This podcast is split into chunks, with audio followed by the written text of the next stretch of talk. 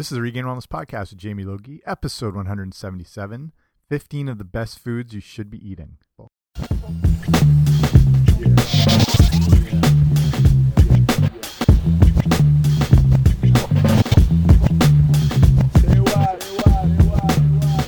Hey guys, what's happening? Welcome back to the podcast. I'm Jamie. I run regainwellness.com, and this is the Regain Wellness Podcast. Thanks for coming on out. If you're brand new, extra special welcome. I got a whole lot of shows you could catch up on in the meantime, but this one's going to be about 15 top foods that should appear at some point in your diet. A lot of these uh, actually might be unfamiliar ones too. There'll be some like the standards, but a few you might not have used or seen and you're not sure what they're all about, so I'll break them all down. So before we start, make sure if you haven't already subscribe to the podcast wherever you find your podcasts. I should be there shows automatically get sent to you. Yeah, it's all taken care of. Okay, let's do this.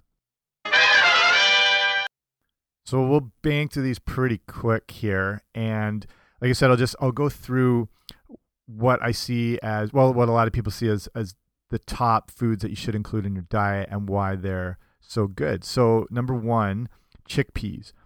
And chickpeas are also known as garbanzo beans. They originally come from the Middle East and the Mediterranean region. The traditional type is round and beige, but you can also find them in varieties that are like black, green, and red, stuff like that. Health wise, these are one of the best plant based sources of protein. If you're vegan or vegetarian, they have um, a lot of protein in them.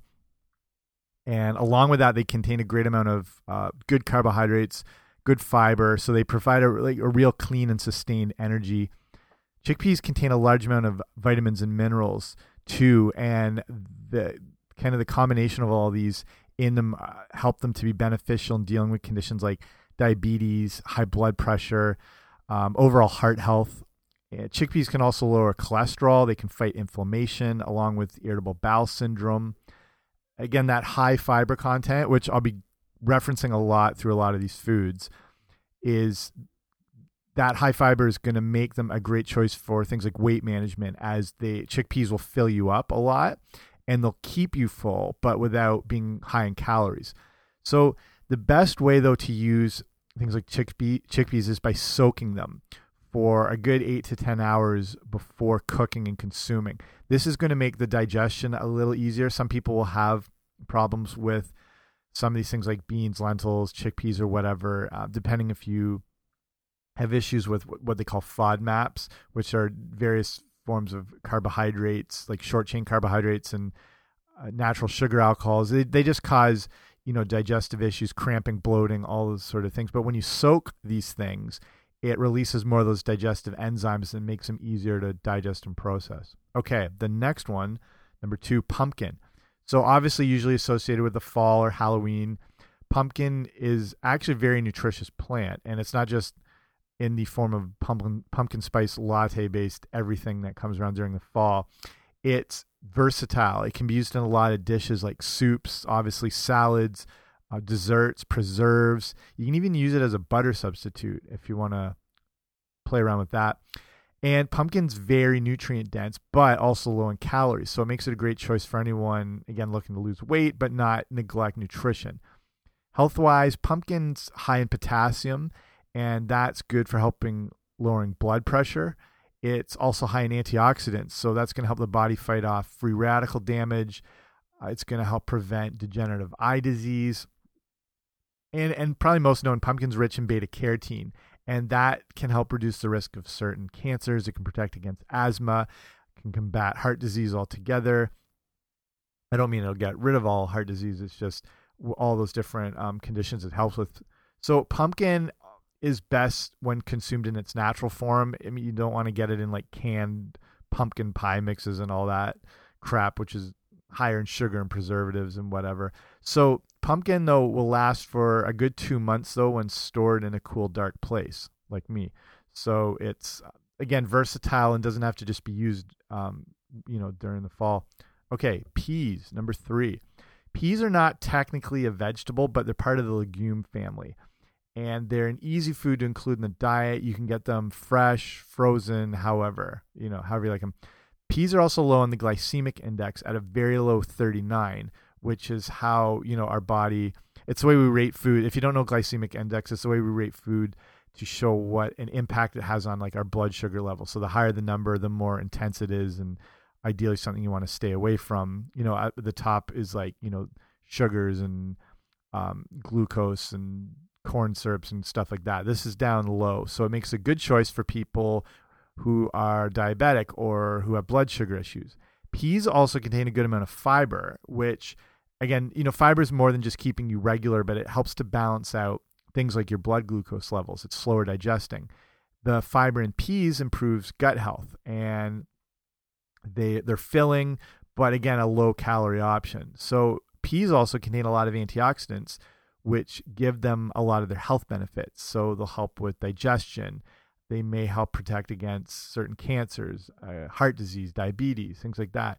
And then peas can be easily added into soups, salads, cooked dishes. They're very high amount of protein actually, and that's why you see a lot of um, you know vegan or vegetarian based protein powders. They're usually they're a lot of pea protein based because it's a good high protein source. So if you're vegan or vegetarian, that's a good way to get extra protein in your diet. They are not a complete protein, however, and they do uh, they don't contain all the amino acids. So they do better when they're paired with things like beans, uh, like the chickpeas I mentioned before, just to get that full range of amino acids. Okay, the next one is fatty fish, and the fatty fish choices are things like trout, salmon, mackerel, sardines, eel, herring, tuna. These are one of the healthiest foods out there, and even though it's higher fat, it's a natural oil content. It's what keeps their body temperature regulated in colder waters. And it, that means they have a high omega 3 fatty acid content, also high in protein. And omega 3s are seen to reduce inflammation in the body. So it's they come in the form of that polyunsaturated fat, which is the very beneficial kind that you want as far as helping lowering the risk of heart disease, cancer, even arthritis and stuff like that. These fatty fishes are beneficial for cognitive function as the um, the omega three, like the polyunsaturated fats in them, are in the form of EPA and DHA, which I don't even try to pronounce anymore because I sprain my tongue most of the time. So these EPA and DHA fatty acids, they're the things that help combat against the cognitive issues like Alzheimer's or dementia. They help in memory and you know all that sort of thing. And the high, again, related to cognitive issues, that high omega three content can also help with depression um, and learning and all that sort of thing. So, again, the best choices for these fish are going to come from verified sustainable fisheries. So, you know, you're getting the cleanest choices possible. If you can find them locally, that's awesome. Ideally, you get at least two servings of, of fish per week, and uh, one serving is going to equal around three and a half ounces. So, if you can get a couple of those a week, it's going to be very helpful health wise.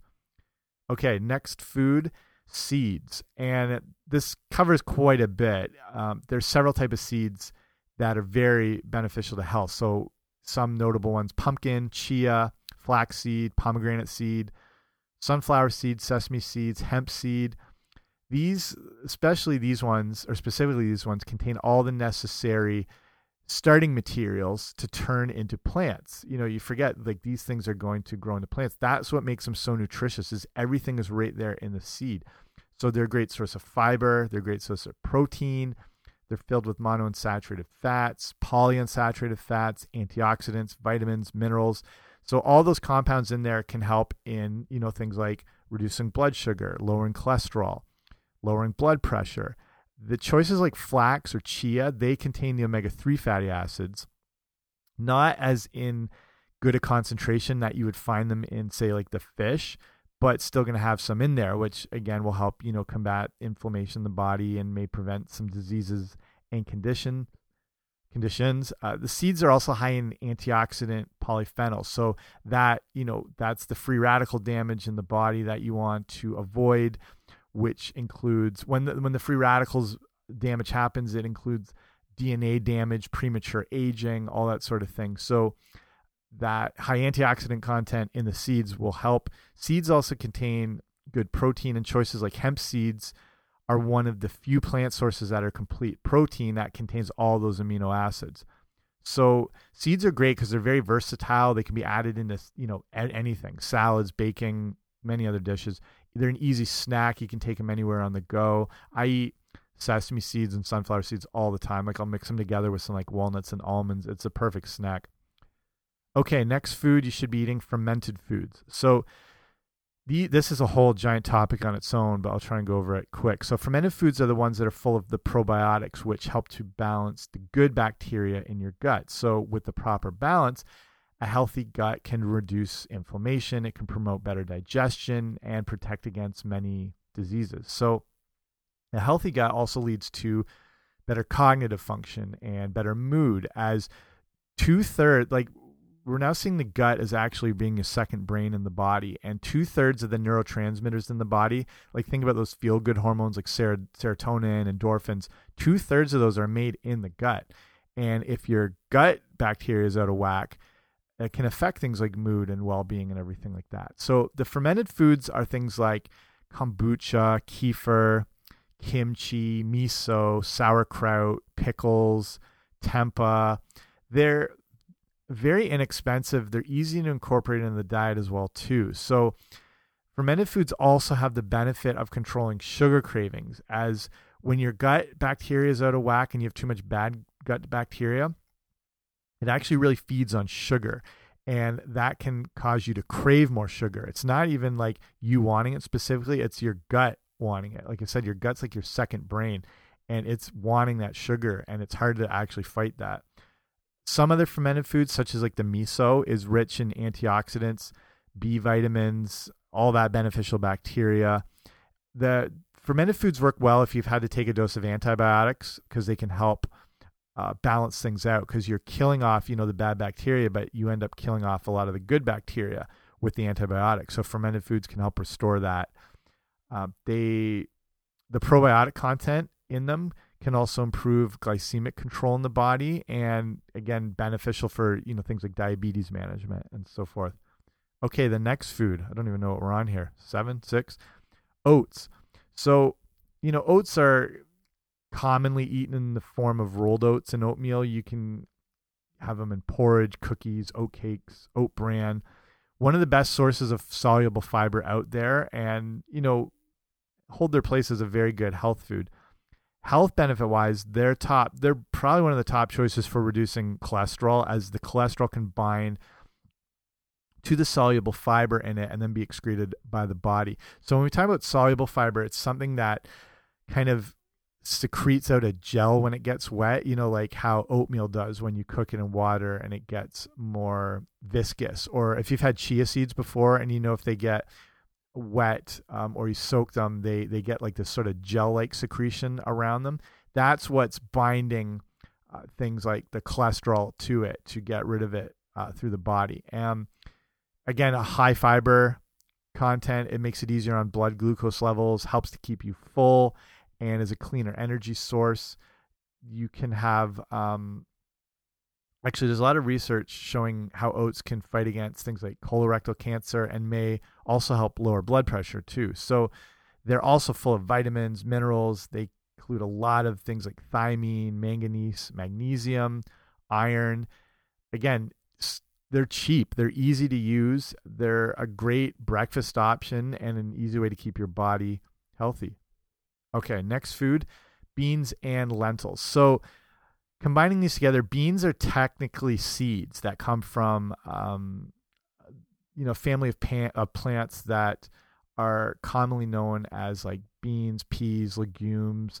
They they kind of all fall under the same umbrella, like lentils, as well. Like it's kind of confusing. Like lentils are kind of legumes as like the way peanuts are legumes. Like they're not a nut, but they're there's kind of some weird crossovers there. But basically beans, if we sum them up like that, make for again another inexpensive but very healthy option. And to get, you know, things like protein, fiber, vitamins, and get some other health benefits with it. So, so the top bean and lentil choices will be things like black beans, lima beans, garbanzo beans, soybeans, kidney beans, black eyed peas, not the horrific band that ruined music, navy beans, pinto beans, red beans are good too.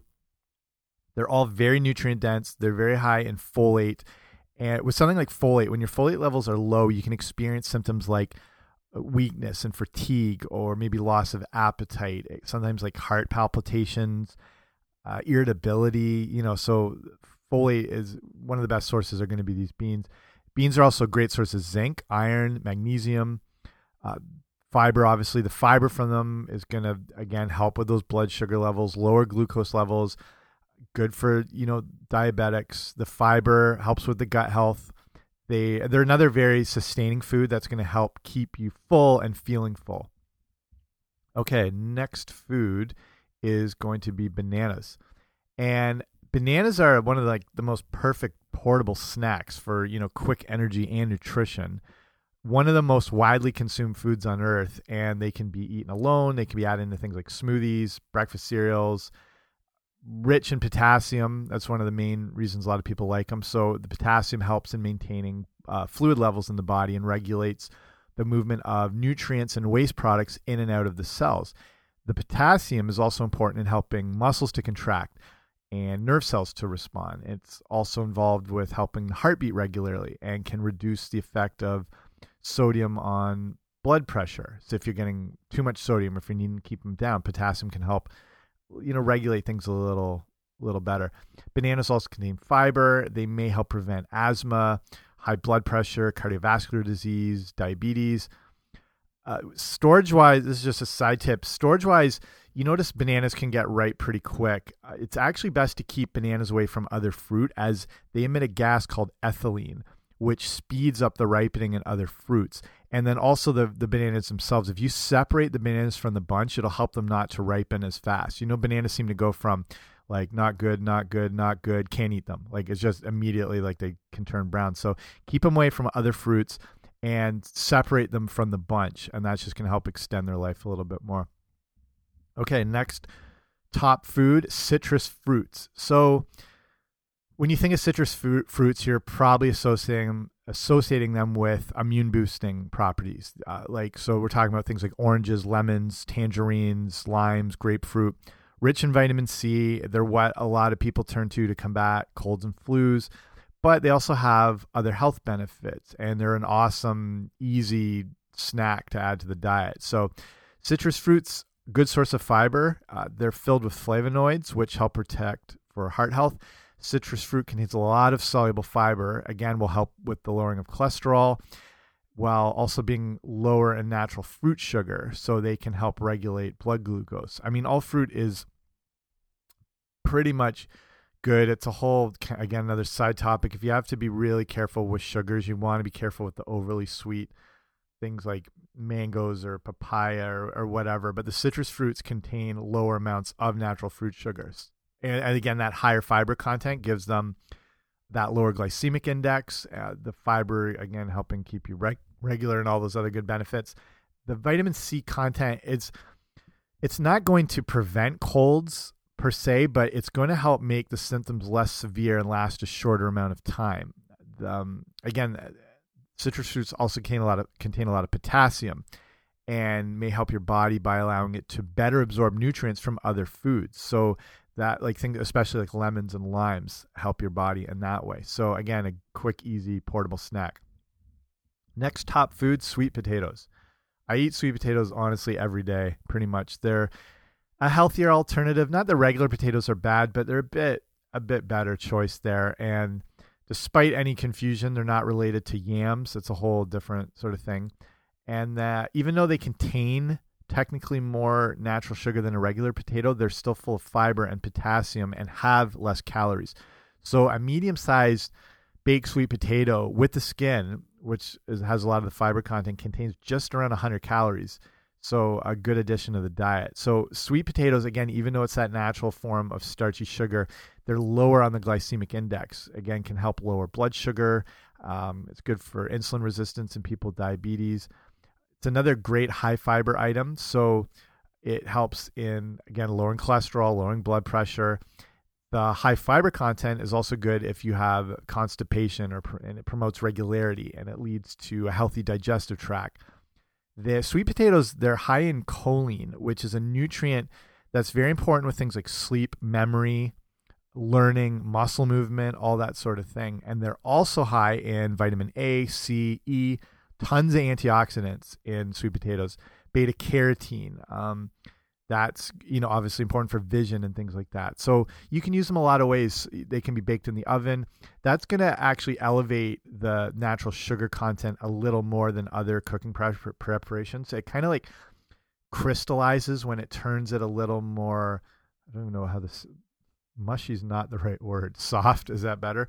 Uh, that elevates the sugar content a bit. Just if you're trying to be careful, if you dice them up though and saute them with olive oil, that might keep that a little more um, lower. You can even cook them in the microwave. Okay, next one, one you might not expect to see, uh, cayenne pepper. So cayenne pepper is a hot chili pepper that's part of the capsicum family. You know, they're originated from Central South America, actually named after the city of Cayenne. So cayenne pepper has been a part of our diets, especially like Native American cuisines for 9,000 plus years uh, easy to add to dishes to enhance flavor, but filled with a ton of health benefits, primarily due to the main ingredient in them, which is I never know how to say it, cap capsaicin, and that's what I'm going with. So you'll have to deal with it. So that's what's giving the that's what gives the spiciness uh, to whether it's the real form or the powder, but it's this is effective. Um, cayenne pepper is effective at treating aches and pains from muscles and, and joints and stuff like that. Also filled with vitamin C, B6, vitamin E, potassium, manganese. So, besides promoting pain relief, cayenne pepper is good for helping burn calories. Uh, it's it increases metabolism. It's good as an appetite suppressant. Um, can be good. You can use it as a home remedy to help relieve congestion again because of um, that higher like in, enhancing like the body temperature can treat coughs and colds. It's, it's, very low calorie almost like nothing and goes well with you know eggs soups tacos pasta whatever. I use cayenne pepper all the time. Okay next food dark chocolate. And i've covered this a lot again on the show but dark chocolate is a great way to relieve some of those sugar cravings while still providing some health benefits. So dark chocolate's made from the cacao plant and it differs from commercial chocolate which, you know, contains sugar and cocoa butter and milk and those commercial chocolates are basically like chocolate flavored sugar is probably the best way to look at them. Dark chocolate has higher concentrations of cacao and the healthiest choices should have at least 70% cacao solids, but ideally more. I eat like 90%. I'll do the odd like I've tried the 100. It's intense, but it's worth giving a shot. And the big draw with the dark chocolate, especially with the higher cacao solids, is its antioxidant content. And besi besides preventing oxidative stress in the body, the dark chocolate can help with heart disease, diabetes, Parkinson's, Alzheimer's, certain cancers.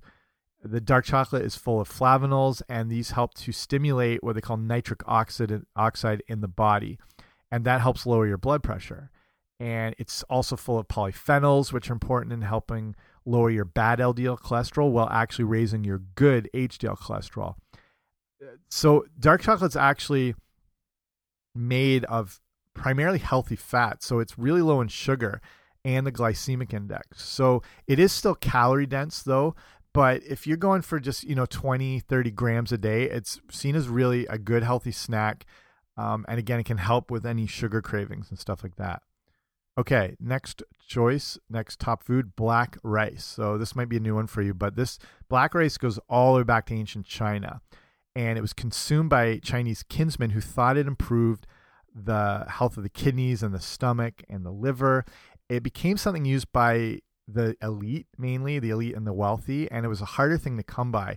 And it was also known as the forbidden rice for a while. Uh, it's mainly grown in the north east and southern parts of India these days. So it's you know black rice is very rich in antioxidants and it's it gets that deep color as an indicator of the anti antioxidants. Same way with like the dark color of blueberries, like the darker blue purple you can get, the better.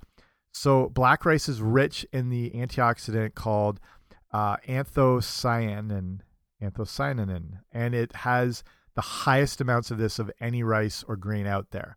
So that is very important in fighting cardiovascular disease, along with helping improve brain function, uh, lowering inflammation. It's full of phytonutrients that can help cleanse the body of toxins.